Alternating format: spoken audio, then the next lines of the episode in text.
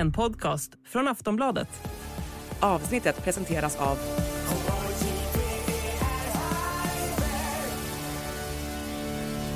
Stödlinjen.se, åldersgräns 18 år.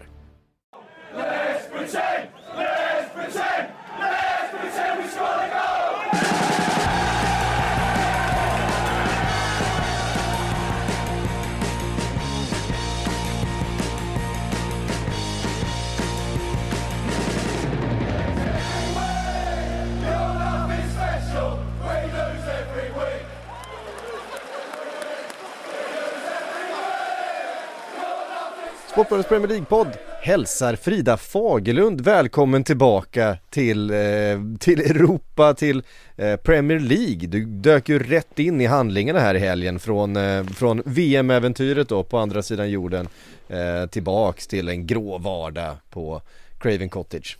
Mm, nej, det var på Emirates men Det var på dig med det var nästan. Välkommen tillbaks Frida, kul att ha dig. Allt är som vanligt här som du hör. ja precis, jag har saknat det. Vi har inte utvecklat någonting sen du var borta under fem sex veckor.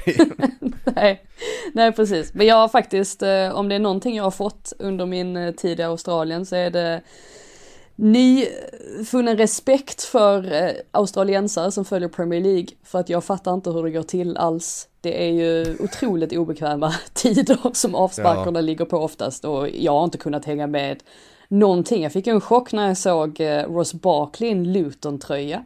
Bara tänkte vad är det, vad är det som sker? Du fick sen- Ross Barkley också. Ja, och sen eh, eh, Traoré i en Fulham-tröja. Jag tänkte, ja, Ja. okej.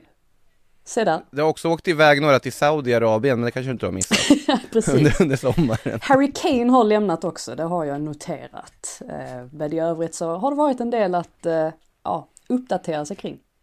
Ja, eh, när det hade varit och eh, ja, vi börjar med den här omgångens eh, avslutande match.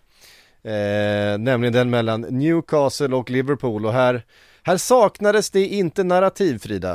Eh, du gjorde ma- matchtexten till den här, jag vet inte, du var, var du på plats i Newcastle? Nej, jag skulle ha varit, men det är, ja, det är ju tågstrejk här med jämna mellanrum och det var Ah, tyvärr det. det under gårdagen så att det fanns liksom ingen chans att kunna ta sig dit. Och det var ju lite synd med tanke på att det blev så himla dramatiskt. Det, ja, Ja, verkligen. Eh, seger till slut för, två, för, för Liverpool med, med 2-1 efter att ha spelat eh, över en timme. Eh, eh, 10 man mot 11 eh, efter van Dijks utvisning. Darwin Nunez kommer in, gör två stycken klassmål får man säga. Riktigt fina avslut men eh, det är ju Newcastle är inte glada över den här, den här förlusten, New, Newcastle-supportrarna. Eh, och det är ju så. Det, mm det kan vara svårt, vi har sett det förut. Det är svårt att spela mot, eh, mot tio man om man ska stänga en match. Eh, för plötsligt så möter du inte samma lag längre. Jag tyckte man såg ju den här matchen, Liverpool som var helt vidöppna i början. Eh, Alexander Arnold skänker bort poäng. Jag vet inte vad han vill ligga bra till hos Saudi för framtiden genom att skänka Newcastle lite, lite mål i början av den här matchen. Eh, men efter utvisningen på van Dijk så var det som att det blev mycket mindre ytor för, för Newcastle att anfalla på. Blev lite mer passivt, man hade ledningen också. Um, men det var ju det Eddie Howe pekade på efter matchen att man, man lyckades inte stänga den här butiken och, och mot ett lag som Liverpool med spelarna som finns, då kan ju det här hända.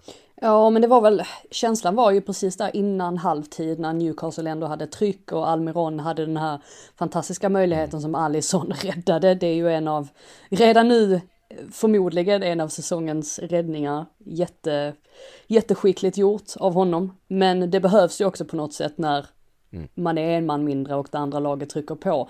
Och i och med att Liverpool lyckades hålla borta Newcastle från att få ännu fler mål med sig just till andra halvleken så tyckte jag ändå att det kändes som att Liverpool, Liverpool kan mycket väl få med sig någonting här. Det, ehm, man vet ju ändå hur vassa de är på omställningar. Man tittade på deras bänk och så satt Darwin där, superhungrig på att få komma in och, och visa vad han går för. Så att nej, Newcastle slarvade ju bort detta helt klart. De, de har ju en väldigt ett otrevligt facit också mot Liverpool som sträcker sig över ganska lång tid nu. Och även Eddie Howe som, eh, jag tror inte han har vunnit mot Klopp på 11 försök eller någonting sånt som tränare. Eh, men ja, det var väl ändå Jason Tindall va som, som hamnade mest i strålkastarljuset och det var väl inte alltför oväntat. Det har ju på något Såklart sätt, han gjorde. det har ju ändå utvecklats någon sorts rivalitet, i alla fall mellan Tindall och Klopp. Där är ju en schism pågående. Och eh, ja, eh, Klopp fick ju eh, onekligen sista skrattet här. Alltså med Jason Tindall tänker man väl att han nästan på något sätt gör det för att synas, att han tänker att ja, men en beef med Klopp, det, det ger mig så mycket skärmtid och liksom photo-op som möjligt, för det finns ju inte en assisterande tränare i den här ligan som är så bra på att hitta in på foton och bilder och tv-kameror och är otrolig linslus alltså. Ja, eh, det, det, det var kanske ett, eh, ett rampljus han hade velat undvika just igår med tanke på gesten och det som, eh, det som hände. Ganska mycket kontroversiella eh, händelser i matchen. Trent Alexander kunde, kunde varit utvisad redan före van Dijk eh, åkte ur. Eh, det är ju också så här, precis som du skrev i din text Frida, det det är klart att det är gult kort på den andra förseelsen, men eftersom det första gula kortet är så obegripligt så tar han ju inte, det var, det var så mycket som var märkligt, men det är klart det är man, ska man vara, rätt ska vara rätt person så, så skulle han väl åkt ut där efter den tacklingen på Anthony Gordon. Ja, det är mycket som var, som var märkligt runt de här situationerna och, Jag och tror- framförallt det första gula kortet han får, eh, Trent. Men det är ju de nya, vad heter det, eh, direktiven också på det där, de ska vara hårdare på allt möjligt som har någon form av tillstymmelse till spelförstörande eller spelfördröjande. Och där blir det ju liksom regelbokstolkning, men då, då är det här någonting de fått in precis nu till den här säsongen, såklart kommer få väldigt många sådana gula kort i början när de fått de direktiven. Eh, och sen absolut, om du hade följt regelboken så hade Trent varit utvisad efter det, sen så finns det någon gräns på något sätt. Och det är väl lite här jag hamnar Hade man följt Dijk. regelboken så hade ju Trent haft med sig en frispark i den situationen Exakt. innan. Eh, så att, ja. Precis, det skulle han ha haft. Ehm, och Ja. det, är väl, det är ju därför han blir, eh, han i ren affekt också kastar iväg bollen.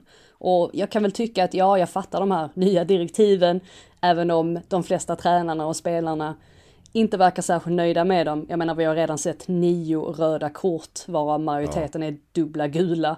Och eh, ja, vi har, vi har spelat tre omgångar. Det är, för att vara Premier League så är det alltså sensationell hög siffra. Och på något sätt så tycker jag väl att det här, den här fingertoppskänslan går lite grann förlorad, eller den gick förlorad för, alltså för, för Brooks i alla fall. För att hade han varit lite smart så hade han bara sagt till Trent att gör du så en gång till så får du ett gult kort.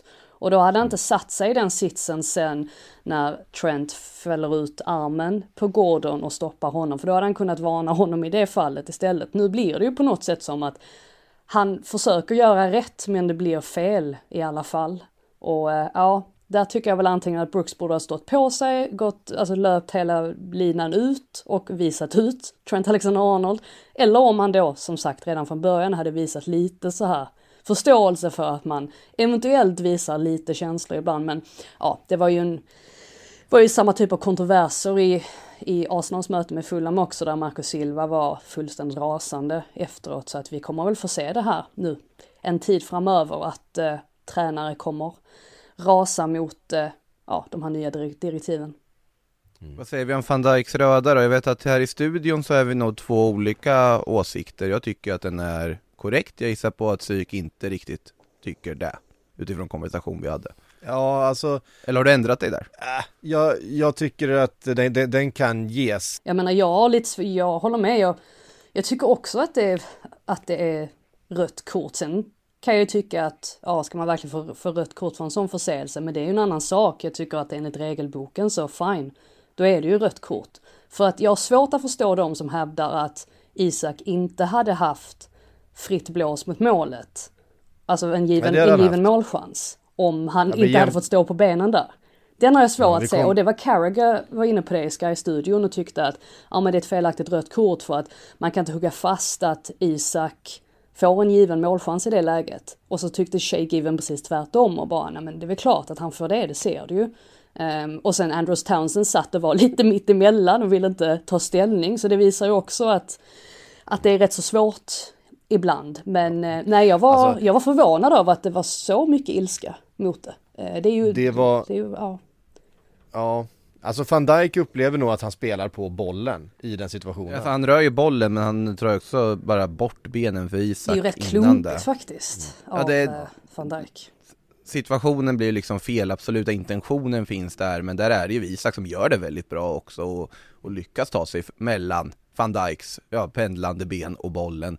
Och sen blir det mycket på vart ligger de i linje med backar, sen vi kommer väl in på det här kanske i United Nottingham till exempel. Exakt, för det är ju, det, det, där tycker jag ju är ett, ett, eh, ett mer eh, tvivelaktigt rött kort. För där kan man verkligen eh, Ifrågasätta vart linjen ligger och Ja, vart backen if- är. och ifrågasätta hur fri han eh, egentligen är. Ja. Hur som helst, Ja. rött, rött kort eh, blev det. Det eh, var nästan som att det stabiliserade Liverpool lite grann, Kon- konstigt nog, för att det var ju oerhört svajigt. Jag tror att eh, Newcastle nog var glada att eh, Alexander Arnold var kvar på banan och inte blev utvisad där eh, efter knuffen på Anthony Gordon därför att eh, han, det är ju han som släpper fram det där, den där bollen till just Anthony Gordon som ju var fantastisk i den här matchen. Framförallt första halvlek var han ju definitivt planens bästa spelare.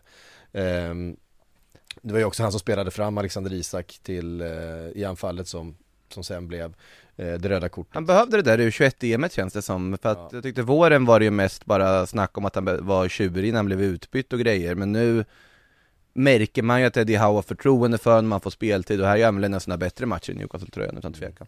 Sen får vi se, eh, van Dijk var ju inte direkt glad när han klev av planen och bråkade rätt mycket med både huvuddomare och fjärdedomare och vägrade gå av plan och så vidare. Vi får se ifall det kommer in en, en anmälan mot, mot honom, annars är det ju Det lär det Eh, ja. Ja, det är en match avstängning vid, eh, vid eh, frilägesutvisning om det inte är en violent conduct. Eh, och vi får hoppas för Liverpools skull att, inte, att han inte drog på sig fler matchers avstängning eh, genom sitt beteende efter det här. Annars blir det Kwanza i eh, mittlås. Ja, precis. Han kom in och fick göra sin debut där och det är klart att det var ju märkliga förutsättningar. Eh, och vi får väl se här om Endo får spela 11 mot 11 mer än 20 minuter den här säsongen. Ja, det var svårt att dra några riktiga slutsatser av. Jag tyckte faktiskt att inledningsvis att, att det märktes att Newcastles mittfält var betydligt bättre balanserat och betydligt mer sammansvetsat jämfört med Liverpools. Men det blev ju svårt att, att bedöma ändå också efter, ja, efter en sån här typ av match givetvis. Ja, han kämpade lite med tempot tyckte jag man såg, Mm. men, så, men han vinner ju en del dueller och det är ju det han är, det är, det han är där för, så att säga. Ehm, andra halvlek som sagt, Darwin Nunez kommer in, har inte haft den säsongsinledningen han hade hoppats, fått eh, starta på bänken alla de tre matcherna, eh, kom in här och avgör med två riktiga klassmål. Ja, alltså han får ju är det kvitteringsmålet va, där han får en del hjälp från Båtman, bollen liksom Ja, studsar på hans Ja, bakdel. precis. väldigt olyckligt eh, för hans del. Men Darwin har ju den här näsan för mål som vi har sett den här senaste säsongen. Att, att han har bara, det bara sitter i ryggmärgen på honom. Han tar jättefina löpningar. Det enda vi har velat se är att han ska vara lite mer klinisk framför målet, lite mer effektiv. Och ja, det kunde man inte klaga på efter den här matchen i alla fall. Det var eh, nog två väldigt, väldigt härliga mål. Eh, lite fint också i Sky-intervjun efteråt så Darwins engelska är tydligen inte särskilt bra än. Så Nej. att eh, det var Allison som fick agera översättare för honom. Eh, det var ju också lite, lite gulligt, men jag tyckte han gjorde ett bra jobb Allison faktiskt. Det är inte helt lätt, eller ja, han kanske hittade på också, vad vet jag, men det, det är inte helt lätt ändå att stå och vara översättare sådär. Men eh, ja, vi får väl hoppas att eh, Darwin han får lite fler chanser också för att ser han ut så här så blir det ju svårt att hålla honom på bänken. Och vad han avslutade med 'Thank you for your support' och sen skrattade.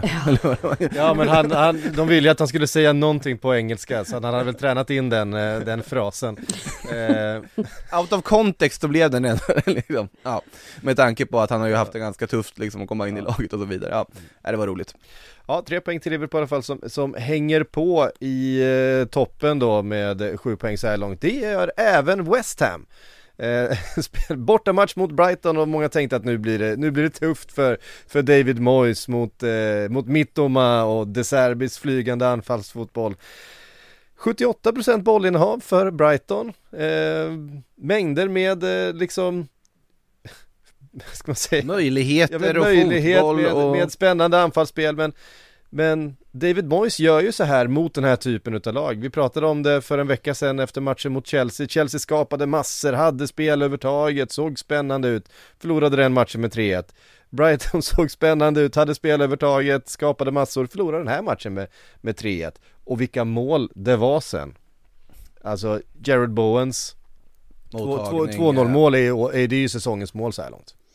Ja, väldigt fint. Jag tyckte Antonio också gjorde det väldigt bra ja. vid, eh, mm. vid sitt Slaktade Webster i den, eh, i, i den vändningen ja, där. Vi har inte också sett det, vi, vi fick av... inte se, se, det så ofta förra säsongen så att eh, jag tror det var skönt för hans del också att han fick den här starten på säsongen. Men jag tycker väl egentligen att ja, men det mest intressanta med, det här, med den här matchen det är ju att kan det vara så att motståndarna på något sätt har listat ut hur man ska spela mot Brighton för att Luton försökte ju ändå göra någonting liknande som West Ham gjorde i den här matchen med skillnaden då att West Ham gjorde det mycket bättre. Och det ska ju tilläggas också att West Ham har ju haft det svårt mot Brighton.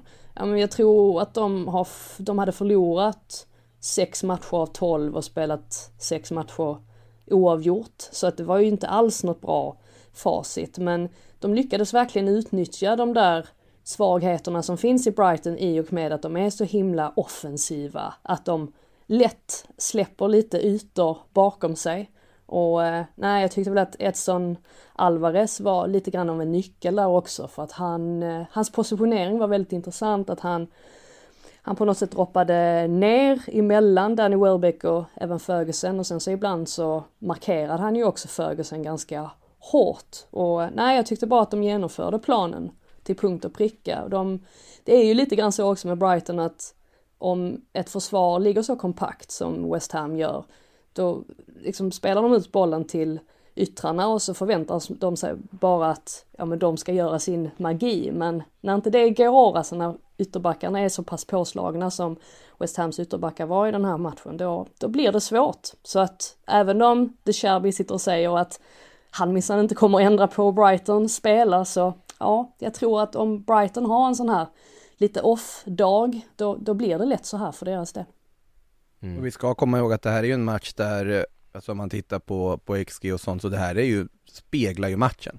Att det blir 3-1 i West Ham. Man kan tro att jag har 78% bollinnehav för Brighton, de hade nästan 700 passningar och West Ham kunde snabbt slå en boll mellan varandra om man tittar bara rent statistiskt. Men kolla på möjligheter de skapar, kolla kvaliteten på möjligheter de skapar kolla kvaliteten de har när de får möjligheten att ställa om, när de har lägen, ja då gör de det ju helt fenomenalt i den här matchen. Och det var bara hatten av till eh, David Moyes och West Ham för att hantera den här matchen. James Ward-Prowse gör ett spelmål. Ja, bara, det, bara en sån sak liksom. Men han har ju också, brun, brunkarmål också. Jag vet att han inte har varit en favorit för er, men eh, av det han har visat Favoritpsyk hyllar hon i varenda avsnitt vi gör. jo visst, inte, inte hans, ja men visst hans fasta situationer men ja. inte riktigt från rullande boll va, eller nej, spel. Nej, nej. Eh, men han har ju, han ser ut att vara en av de, de bästa värvningarna, alltså sett till vad han, vad han kostade. Eh, så att mm. ja, det var en bra värvning för West Hams del. Onekligen, och vi pratade lite grann förra veckan då om eh, Michael Antonio och att ja, han gör så här ibland men det är liksom tio matcher emellan eh, Nu har han ju verkligen kommit igång den här säsongen Han ligger ju bakom det första målet där också när han vinner bollen starkt mot eh, Vem det nu är Är det Webster igen? Som tappar bollen där ute på kanten till eh, Antonio eh, Väldigt lättvindigt och sen Att han hittar in med den Eh, och sen ska Jared Bowens nedtagning även och framspelning till till Antonio vid 3-0 målet mm. eh, och är också otroligt hög klass. Eh, och får man igång Jared Bowen och får igång Michael Antonio på en nivå som vi vet att de kan hålla, då är ju West Ham bra. Och då är David Moyes inte alls bekymrad över att ha 22% bollinnehav i en match.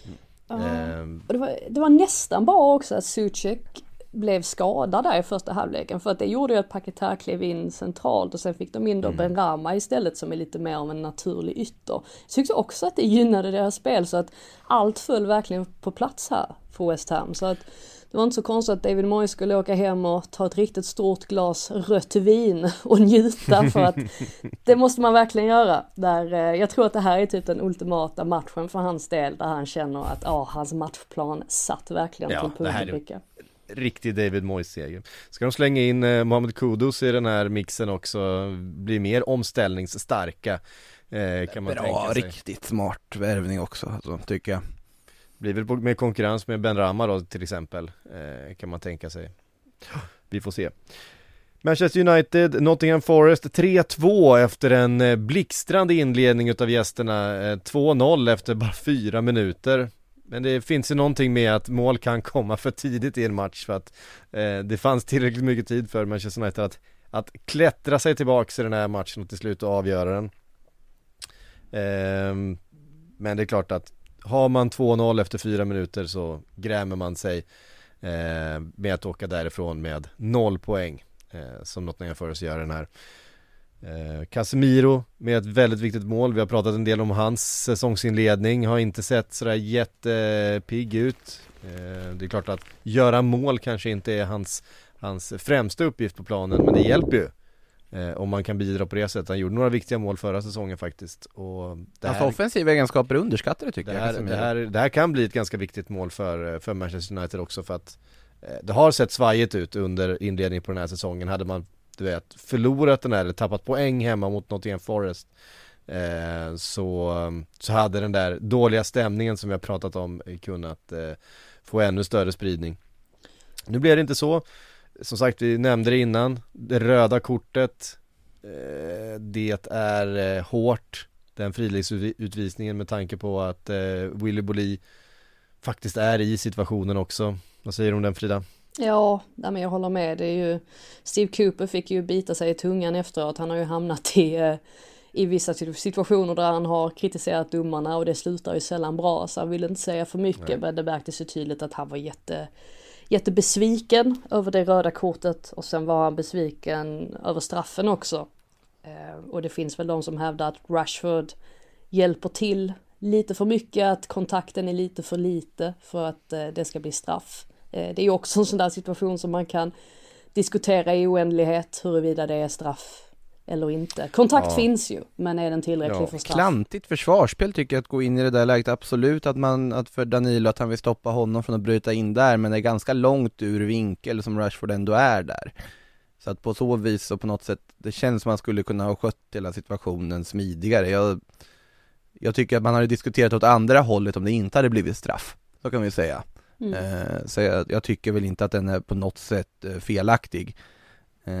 Där, däremot tar man från den här matchen, du nämnde Casemiros mål, alltså den frisparksvarianten Mm. är ju otroligt fin alltså med när Rashford slår den här bollen, Fernandes som tar den här löpningen tillbaka där då, medvetet nick in i mitten, så kommer Casemiro där flygande som en eh, brasiliansk kanon och bara petar dit 2-2. Det var ju en frispark i andra halvleken också där Fernandes han ville spela den alltså snett utåt till Dalot, men Dalot var inte alls med på det så att det, det blev helt bortkastad i slutändan. Så man tänker sig att de kanske har övat på några sådana här varianter under, på träningarna men att alla kanske inte är riktigt med på dem varje gång. Eh, I alla fall inte i det fallet. Men eh, Fernandes var ju, han var, ehm, han är ju lite sådär, det, han blir kritiserad som ledare rätt så ofta eller att han, han har vissa brister i sitt kaptenskap och så vidare. Men om det är någonting han har så är det ju en jäkla vinnarskalle.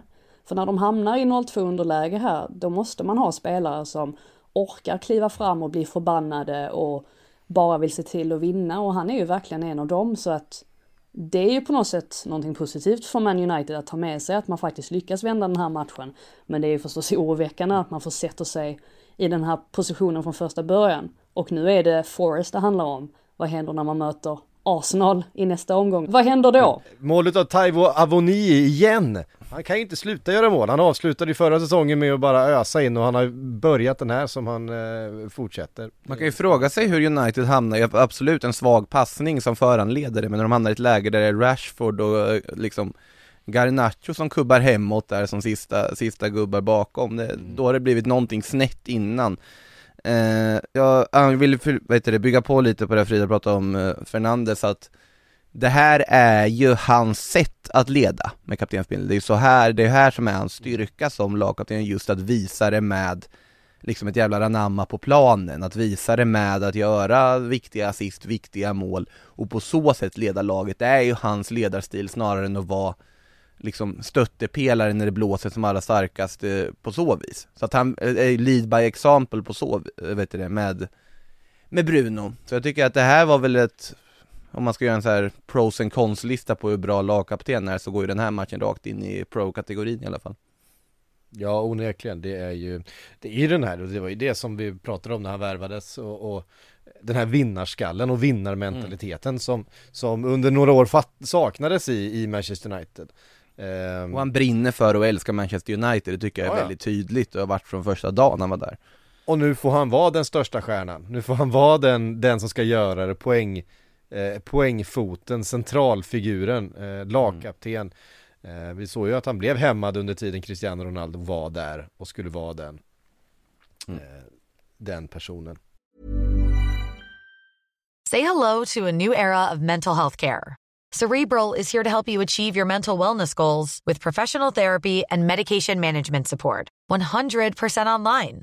You'll experience the all new Cerebral way, an innovative approach to mental wellness designed around you. You'll get a personalized treatment plan from a therapist, prescriber, or both in a safe and judgment free space. Your cerebral therapist or prescriber will outline a customized plan with clear milestones along the way so you can get to feeling your best. With Cerebral, you're not alone in your mental health journey. We're here to empower you to live a fulfilling life.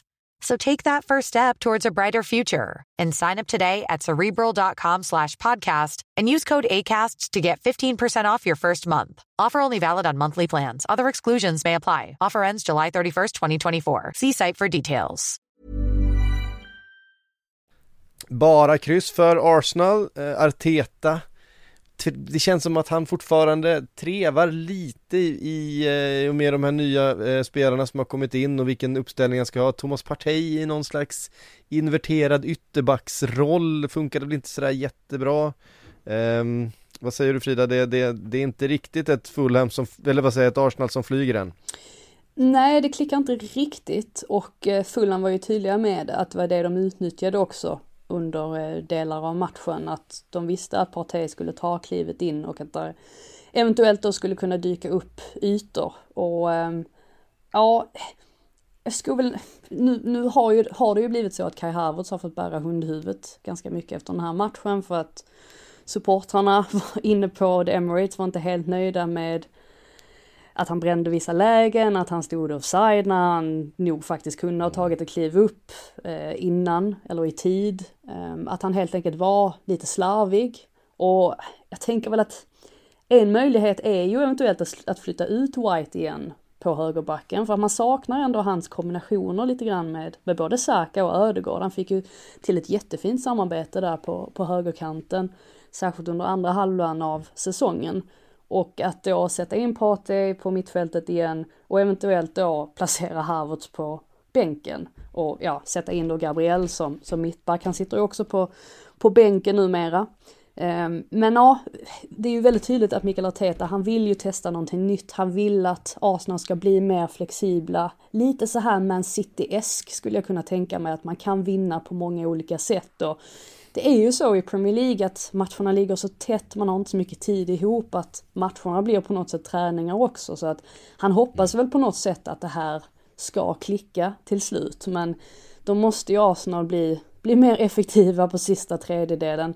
Och ja, så ska man ju inte ta ifrån fulla Mello att de faktiskt gör en, en väldigt stabil insats. Och ja, Joao Palinha eh, min, min stora favorit, han, eh, han var en, en koloss i den här matchen. Han är så otroligt smart, han, han bara observerar och sen så följer han med bollen och sen så ingriper han i precis rätt tid och det är ju han som får in det här 2-2 målet också när man trodde att Arsenal faktiskt ja, hade segern i, i sina händer. För att då Arteta gjorde ju ett par byten där, han satte in en Ketja direkt efter halvtid istället för Leandro Trossard och sen så bytte han även in eh, Vera. Och jag tycker att båda de eh, alltså gör det, gör det väldigt bra. Det är ju en Ketja som gör eh, ena målet, eller 2-1 målet Och det var ju också en kontroversiell situation, det kan vi kanske komma med Ja. in på senare ja. med Marco Silva och att han var förbannad. Men jag tyckte väl att de, Arteta fick till effekten av bytena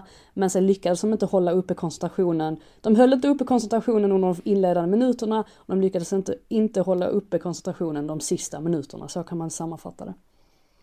Nej, alltså första målet där som vi sker efter eh, någon minut bara, Andreas Pereiras, det är ju eh, Det är otroligt märkligt. Alltså ett, vad, Ramsdale hamnar helt, han blir helt desorienterad i eget straffområde.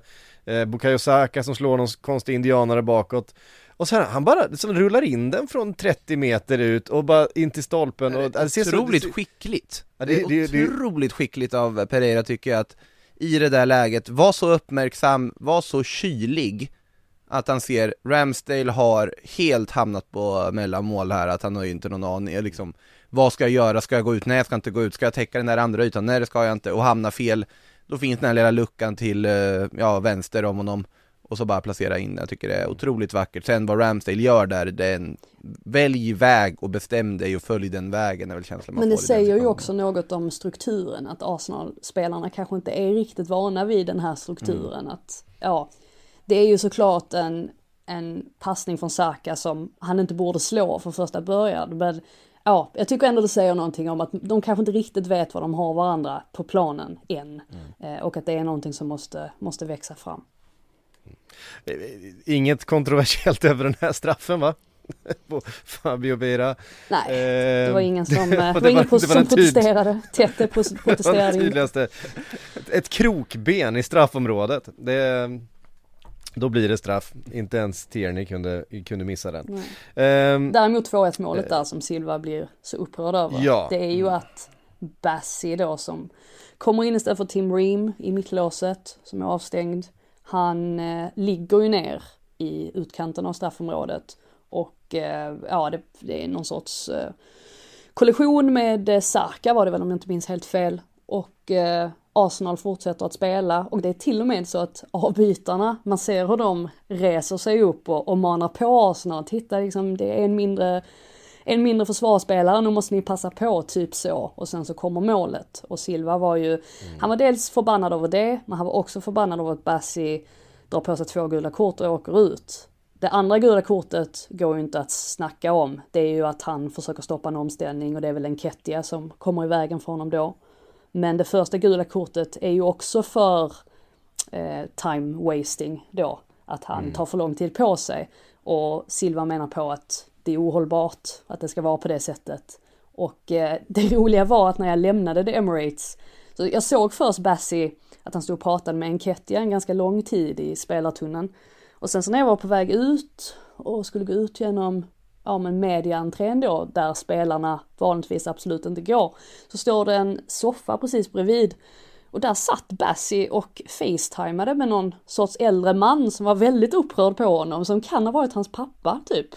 Eh, där Bassi försökte förklara farsan. sig och vad det var som hade hänt och jag kunde inte hjälpa det sa han eller någonting sånt innan jag gick ut och jag tänkte att jaha, ja det blev en sån där dag där ingen var riktigt nöjd. Jag tror den enda jag pratade med som faktiskt var nöjd var typ Pereira som, ja han var ansåg att det var en dröm att han hade fått det där läget och gjorde mål i första halvleken och Palinja var väl också nöjd men i övrigt så nej, det var inte många glada miner eh, på The Emirates. Trots att Arteta menade på att Arsenal var tio gånger bättre i den här matchen jämfört med mötena med Fulham förra säsongen. Men just Bassis andra gula, det är väl liksom en sån här situation som också typ friläge om man, om man släpper den också det var ganska uppenbart stopp, försöka stoppa en Kettia från att på något sätt ta sig förbi. Ja, det var lite, det var, det var lite amerikansk fotboll sådär, att man bara, man bara sidesteppar lite och står i vägen upp med händerna i bröstkorgen. Ja den, eh, den var tydlig om vi säger så. Ja, det går inte mycket,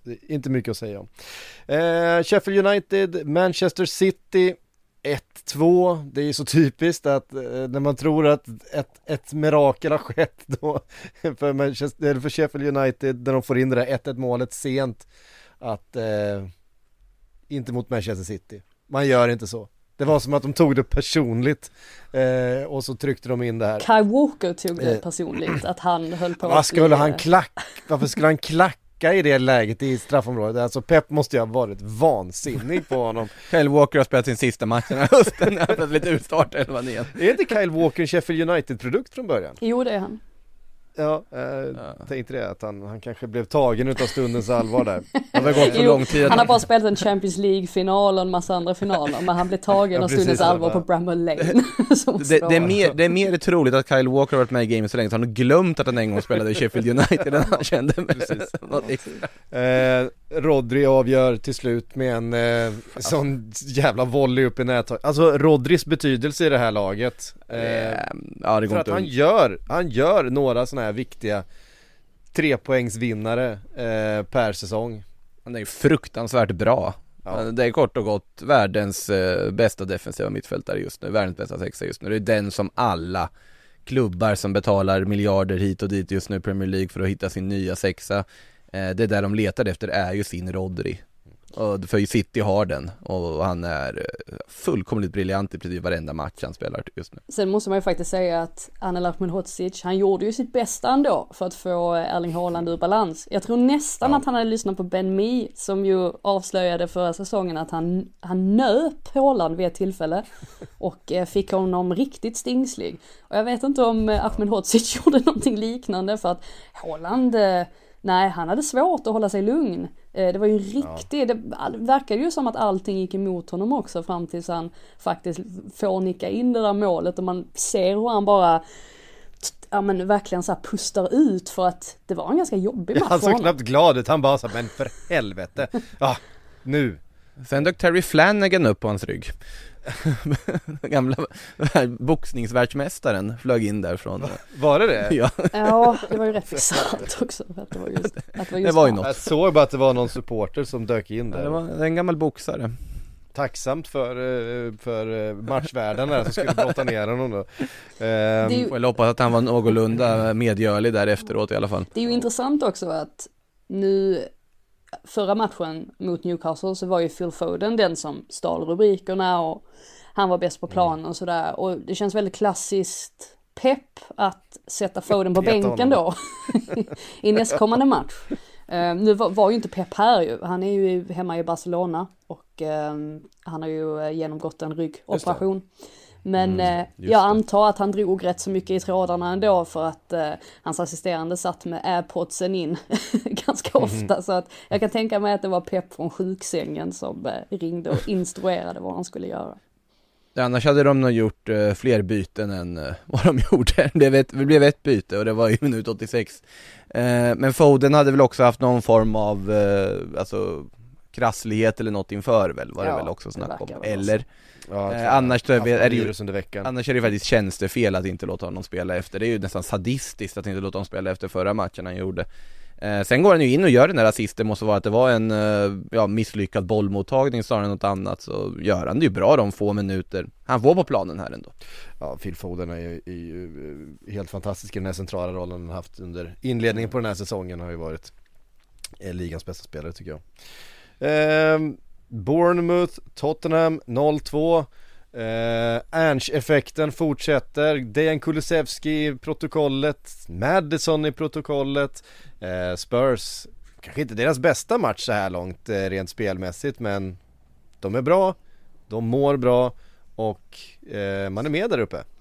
Ja, nej men verkligen, vi, vi sa väl det när James Madison blev klar för Tottenham att har inte han alltid varit en Tottenham-spelare? Att det känns så Ja, naturligt att känns han väl, verkligen så. gick dit och det visar han ju nu också varför, varför man satt med den känslan för att han har ju verkligen smält in oerhört bra i laget. Han bär ju tröja nummer 10 men han är lite överallt. Det är ju, han är ju en sexa och sen är han en åtta och sen är han helt plötsligt en tia. Han har ju den sortens, sortens frihet. Det märks ju att Postecoglou att han litar väldigt mycket på honom på det sättet. Och alltså nu är kanske detta en, det är kanske en hot take på ett sätt men jag tror inte att James Madison hade varit så här pass involverad i spelet och så här pass bra om Harry Kane fortfarande hade varit kvar. Och det säger jag ju med vetskapen om att Kane var en av, eller han är en av världens bästa strikers. Och det är givetvis ett jättestort tapp och Richarlison har väl inte lyckats, ja men leva upp riktigt i, i den rollen än så länge. Men just det här med att Kane droppar ner så mycket och han är ju verkligen involverad i spelet. Jag, jag tror eventuellt att det hade kunnat komma i vägen lite för Madison, att han får mer utrymme nu. Och jag, det är nästan så att jag tycker att Southgate också ska ta sig en titt på detta för att det kan vara en bra backup-plan för honom. Som ju, han förlitar sig väldigt mycket på Kane i engelska landslaget. Men just det här att man har det här alternativet att man kan spela Madison i den här rollen om man då har en striker som håller sig lite mer i straffområdet. Ja, alltså, eh, och bara det faktum att vi står här utan Harry Kane i Tottenham och att det är ett lag som verkar må bättre än på många år. Supporterna sjunger vi har fått vårt lag tillbaka. Och då pratar vi två veckor efter att deras största spelare genom tiderna har lämnat för, för Bayern München. Jag menar, det Ange har gjort för det här laget, för den här truppen och hur bra alla verkar må runt, runt Tottenham och i Tottenham just nu. Det är, det är verkligen fantastiskt för att det hade, det hade så lätt kunnat vara någonting helt annat. Fast det, man ser ju ganska ofta effekten där tycker jag när en storstjärna lämnar en klubb som har varit en tydlig storstjärna. Mm. Att det oftast på något sätt väcker en grupp på att, ja men då, då kanske det är väldigt många andra som säger nu måste vi steppa upp. Nu kan vi inte bara titta på vad Harry gjorde, som man kanske gjorde i andra situationer tidigare.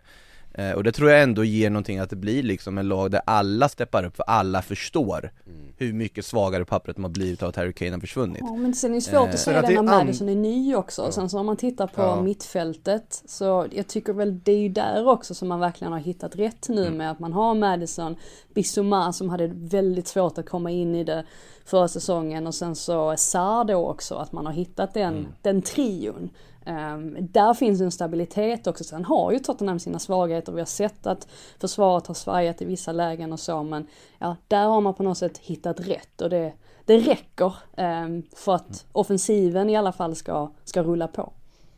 Det säger också en del om hur mycket man ska titta på en eh, nuvarande trupp när en ny tränare kommer in. För att eh, det var väl inte många som räknade med många av de, de här spelarna.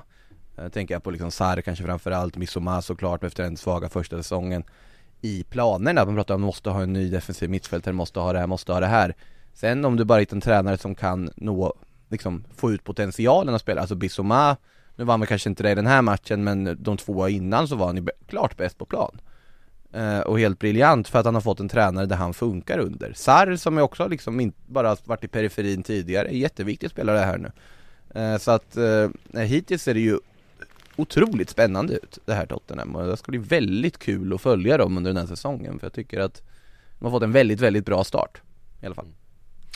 Um, ja, uh, och det som också är intressant att den som kanske, som ju har varit nummer två under uh, Harry Kane-tiden och senaste åren har ju varit Huminson.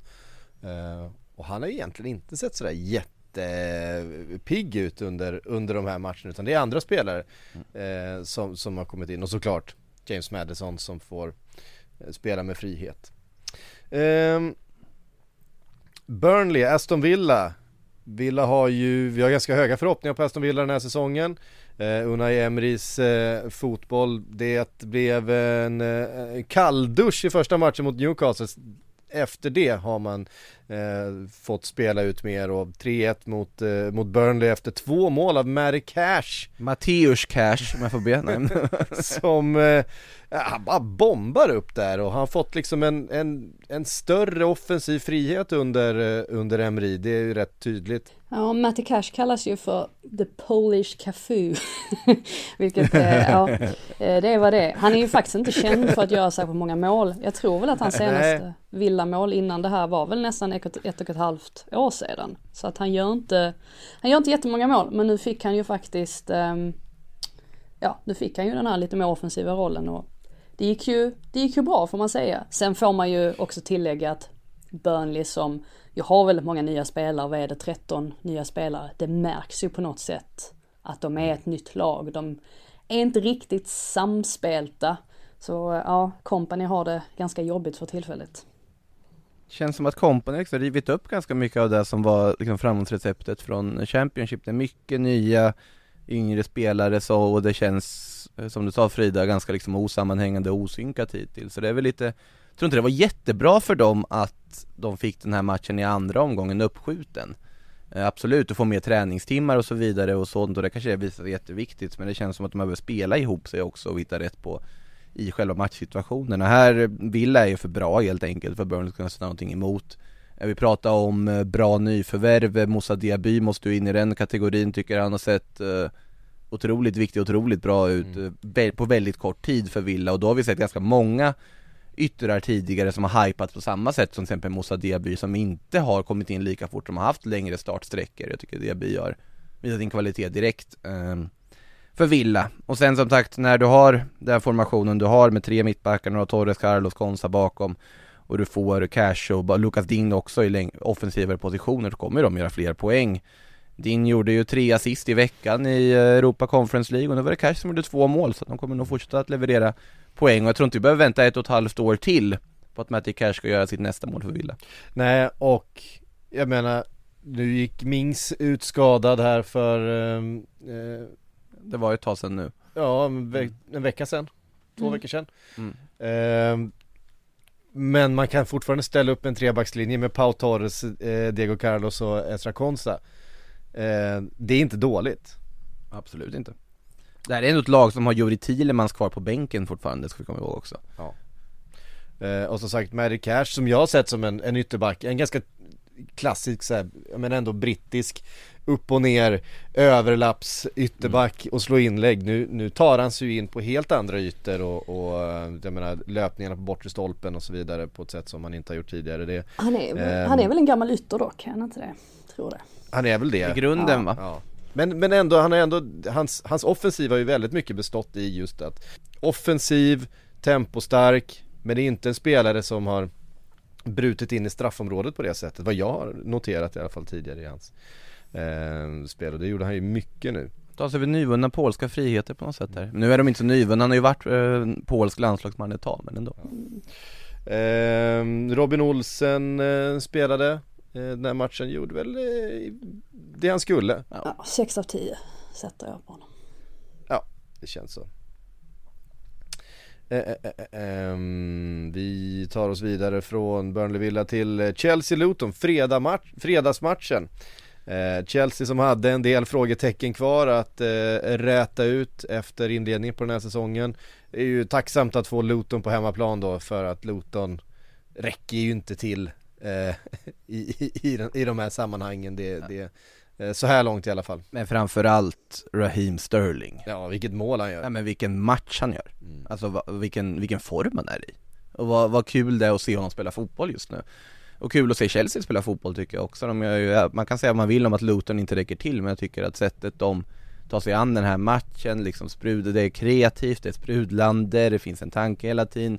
Känns som att Pochettino har fått in det han vill i det här laget. Sterling som sagt, bara hans nu tydligare roll han har har gjort jättemycket för, för hans spel. Sättet han gör 1 målet på givetvis, men även allt annat han tar sig för i den här matchen håller ju absolut högsta nivå. Och en Nico Jackson som ju får sitt mål äntligen också, eh, har verkligen jobbat ihop det här med tanke på att han har gjort i princip allt rätt förutom mål fram tills då det här 3-0 målet han sätter. Och nej, jag tycker det ser väldigt bra ut. Men när vill du se Frida? Ja, i Störlings fall så är det väl framförallt att han, han får ligga lite högre nu jämfört med vad han gjorde förra säsongen. Att han får bollen lite högre upp i planen. Jag tror att det gynnar honom också. Jag gillar ju 1-0 målet väldigt mycket för att det är på något sätt allt det där som Raheem Sterling var för ett par år sedan och som vi har saknat den, den senaste tiden. Att han faktiskt kan göra den typen av, av mål. Oerhört hög klass. Och sen tror jag inte man ska underskatta heller att Caicedo faktiskt har kommit in i laget nu och visst, han kostar jättemycket pengar och det ena med det tredje, men han tillåter ju ändå en sån som Enzo Fernandes att ta sig lite större friheter högre upp i planen han också. Och jag, jag tror att det gynnar Chelsea för att de har förlitat sig väldigt, väldigt mycket på Fernandes, eh, eller Enzo Fernandes, sedan han kom dit. Att, att, för han har ju faktiskt varit bra och han har ju inte blivit så kritiserad för den här höga prislappen för att han faktiskt har varit värd det, eller att, ja, att han har visat att, att han är en, en oerhört bra spelare. Men problemet har varit för Chelseas del att allting har gått igenom honom. Och jag tror att nu får man till den där balansen lite bättre med Caicedo också. Det kommer komma större test här framöver där man verkligen får, får se och får se Caicedo sättas på prov ordentligt men han är en oerhört bra bollvinnare. Och sen ska man inte underskatta Caicedo, även han kan faktiskt skapa chanser framåt. Så att de har ju faktiskt landat en högt, en högst kompetent spelare där. Eh, så att nej, det, det ser ju faktiskt ut som att de har börjat få till balansen lite bättre där. Mm. Eh, och ja, Luton finns väl inte så jättemycket att säga om.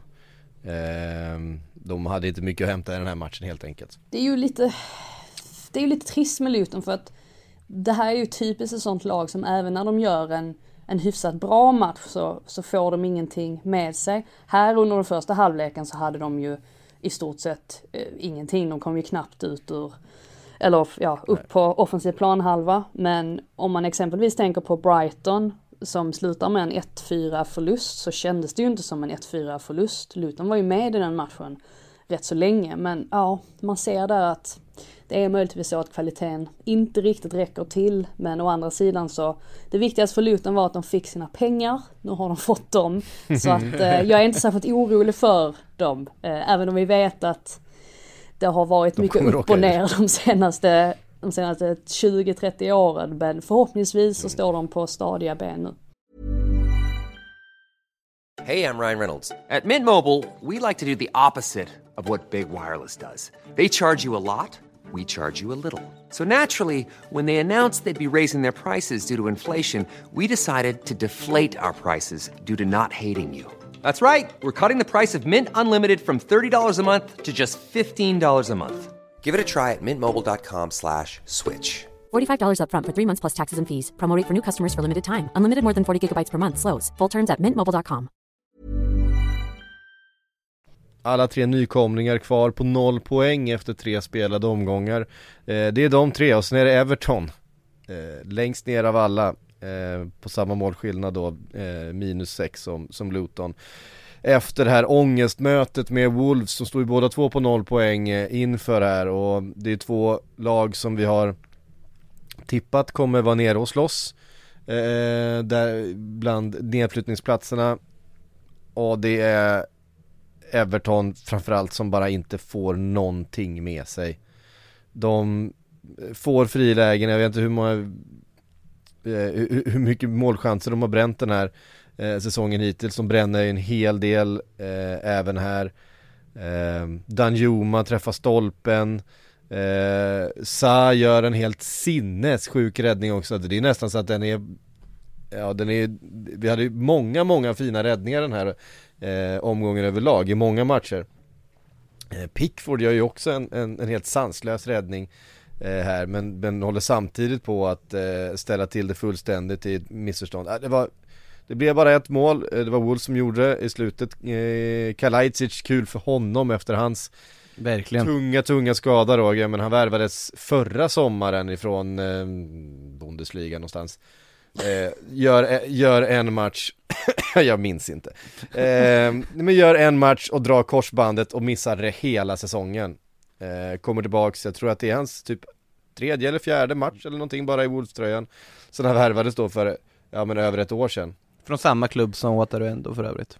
Ja, okej. Okay. Så någonstans i Bundesliga var en helt korrekt analys av ja. sammanhanget. Eh, ja, gör eh, det här han får. Han, han, han, får ett hårstrå på bollen i alla fall och, och eh, styr in den eh, sent i matchen och då är det ju Då är det ju mörkt och det är tungt och det är motvind och det är allting på Goodison Park och de kommer De kommer få gnugga för att ta sig upp ur den här källan som man befinner sig i för att den här matchen på hemmaplan mot ett lag som man behöver hålla bakom sig om man ska rädda ett nytt kontrakt. Eh, den var tung, den här förlusten för Everton. Ja, alltså när man såg Wolves möta Brighton så satt man ju och tänkte att nej, det här kommer aldrig gå. De gör alldeles för få mål. Eh, de skapar ju rätt mycket chanser men det är inte mer än så.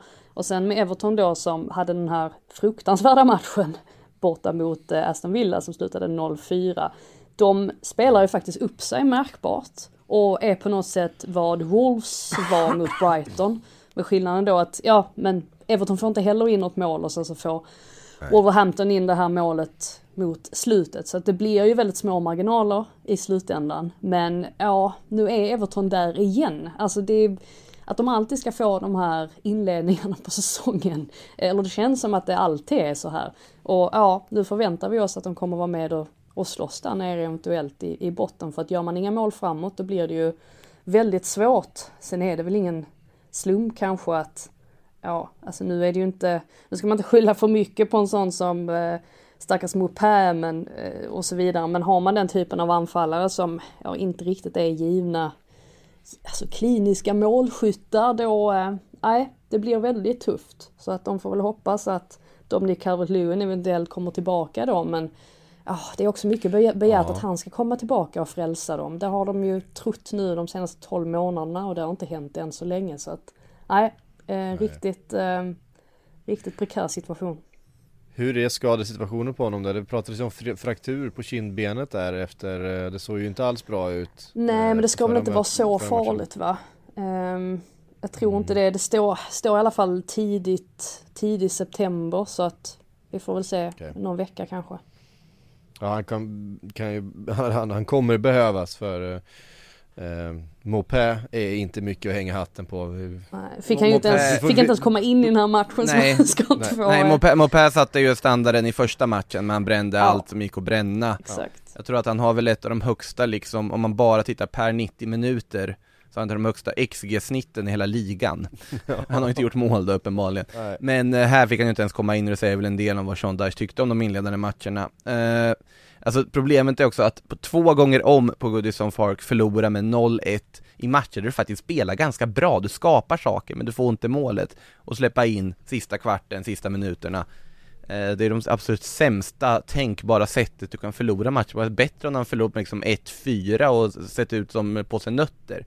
Eh, för då hade man ändå kunnat se en förbättringspotential. Ett lag som Everton med den kvaliteten som de har, eller brist på kvalitet, de kommer inte ha ja, konstant bra insatser under en säsong och då gäller det att när du väl har bra insatser, som den här mot Wolves, då måste du få med dig något mer än att släppa in ett 0-1 mål i 87 och bli helt tomhänta. Sen, Ja, det är oroväckande. sen min chock över att Fabio Silva redan är 21 år gammal. Det känns som att han fortfarande ska vara så här 18 år, en supertalang eller vad han nu var när han signades till Wolves. Men eh, ja, det var, det var ett tag sedan tydligen som, eh, som han var ju det. Att han dessutom är tillbaka nu också och startar på topp.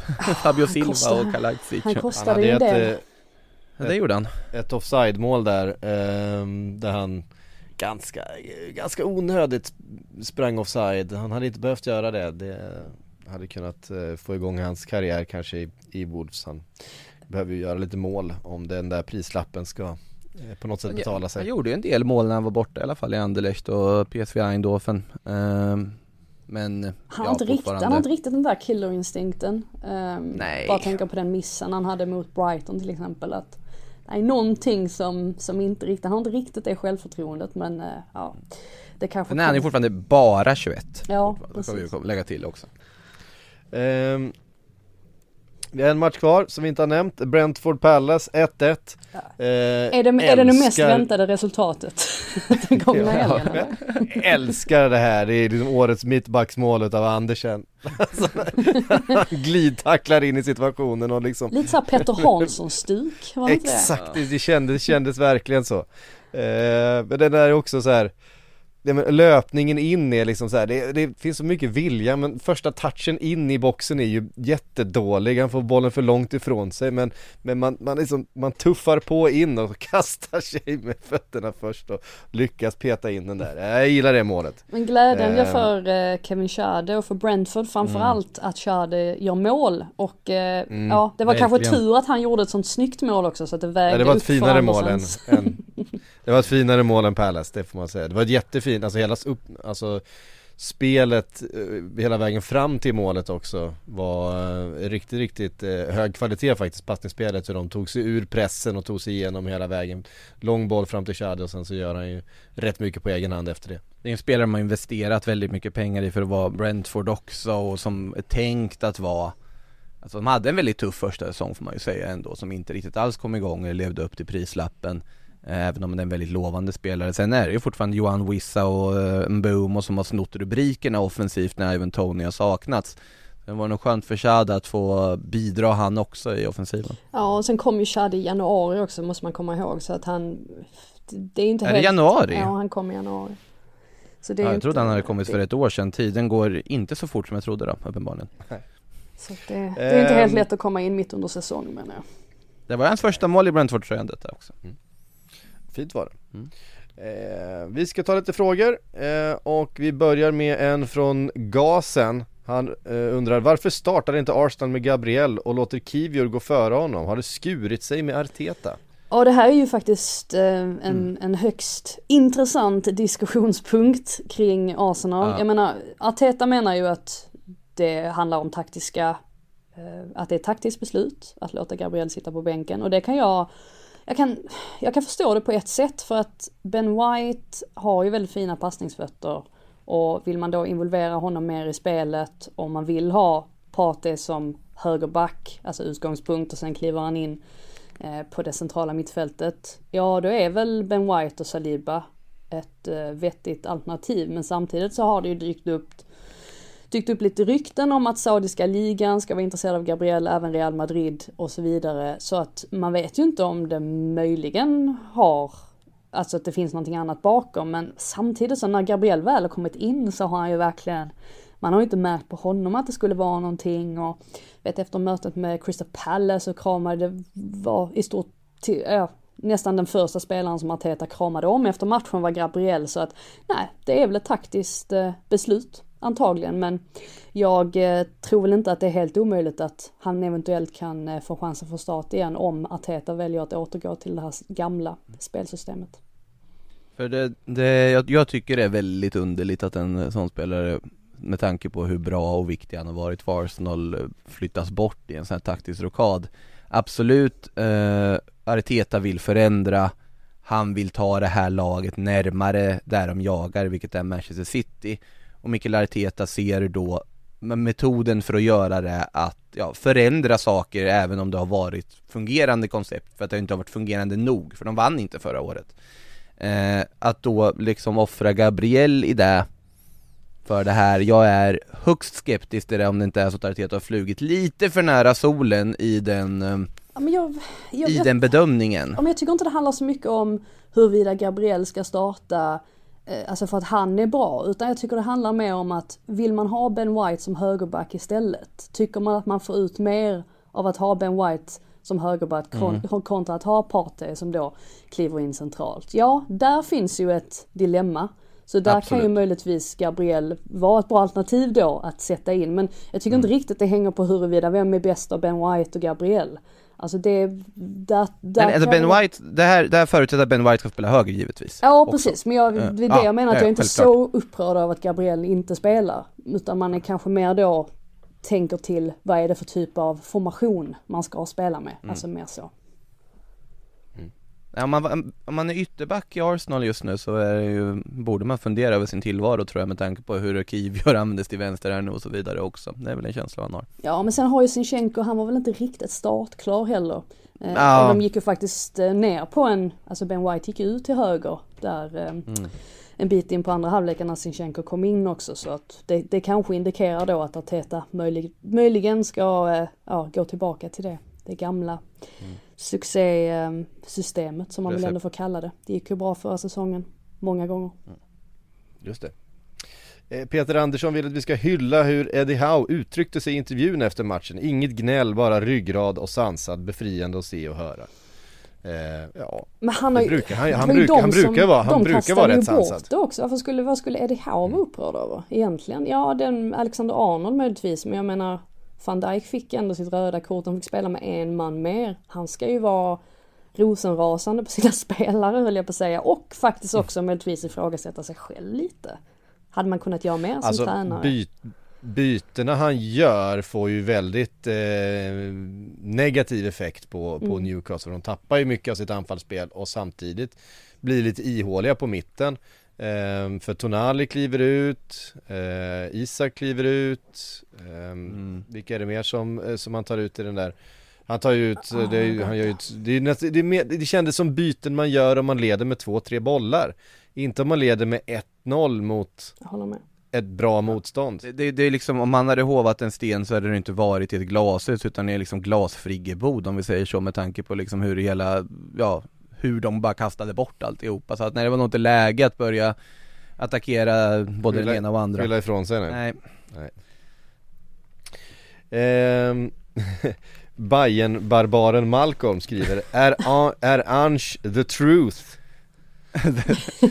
Jag, jag trodde Ben Doak var ljus, sanningen och ljuset, det brukar du säga. Ben Doak är sanningen och ljuset, absolut. Eh, Nej men jag, jag, alltså Ernst, än så länge så är det ingen som kan ifrågasätta effekterna han har haft och, och eh, den positiva eh, effekten han, har- han har haft på, på Tottenham. Han är väl också på något sätt det som Tottenham vill vara och som de faktiskt har velat vara de senaste åren trots att man har anställt tränare som har haft en filosofi som har ja, men, varit tvärt emot det man har sagt sig då vilja vara. Alltså särskilt Daniel Levy, jag menar redan när han började leta efter en ersättare, ja men då i samband med att Nuno till slut fick komma in, ja men det, Nuno var ju inte den typen av tränare som han ville ha in. Och sen så då att, ja men att det blev den, den, den sortens tränare och sen med Conte som är som han är, lite mer pragmatisk. Eh, ja, nu har de väl egentligen hittat någon som stämmer överens med eh, sin självbild. Så att, eh, ja, det, det kanske förklarar delvis också varför det är så bra stämning på Tottenham Stadium nu för tiden. Hur mycket Ange-feber har det rått borta eh, Down Under då? Ja, alltså Robbie Williams, ja, Down Under, det, det, det jag tänkte säga att Robbie Williams har eh, spelat in den här sången som Tottenham-supportrarna har skrivit om Ange, att han har skrivit om eh, den gamla monsterhitten Angels, så att eh, nu sjunger de om Big Ange istället. I Australien så ehm, jag blev faktiskt förvånad över hur, jag trodde ändå att fotbollen var större i Australien än vad den är. Den är inte alls, den är inte alls stor, men Ange är ju faktiskt en av få som människor känner till. Eh, ja, jag, jag, som jag har förstått det så är det en ganska stor grej ändå. Att de har en tränare i Premier League nu. Och också för att man ska komma ihåg det att det finns en väldigt, väldigt stark rivalitet mellan England och Australien. Och det kanske man inte tror riktigt. Man tror att, ja men det, det finns så många men, band mellan England och Australien som man tänker sig att, ah, det där är väl ingenting. Kan, kan man ju titta på hur de banden har skapats om vi säger så. Jo, det finns en rivalitet i det. Men även Ja. från Englands sida att man ser ner lite på australiensare och särskilt då i fotbollssammanhang. Ehm, ja, man tycker väl inte riktigt att de förstår sig på fotboll och det gör de väl inte egentligen. Men Ange är väl ett undantag från den, eh, från den regeln då att han, han kan ju faktiskt fotboll och eh, jag tycker att han har, han har verkligen bevisat sig de här inledande veckorna i Premier League. Ja, hörde ni, eh, så kul att ha dig tillbaka igen Frida. Nu känns det som, nu känns det som att säsongen är igång på riktigt härifrån. Åh, vad härligt att så mycket kan jag säga. Mm. Eh, Premier League fortsätter i, i rasande takt. Vi har deadline day på fredag. Vi ska spela in en sillypodd här om ett par timmar också därför att Mm. i, imorgon är vi upptagna med annat så att vi får eh, dubbeljobba idag. Eh, du och jag Makoto och eh, det kommer mer och ja det, är- det är så mycket fotboll den här veckan och sen så är det eh, full omgång till helgen och sen så Sen är det landslagsuppehåll snart också men det, det orkar jag inte ens tänka på Men i alla fall från oss här idag så säger vi tack för att ni har lyssnat och på återhörande Du har lyssnat på en podcast från Aftonbladet. Ansvarig utgivare är Lena K Samuelsson.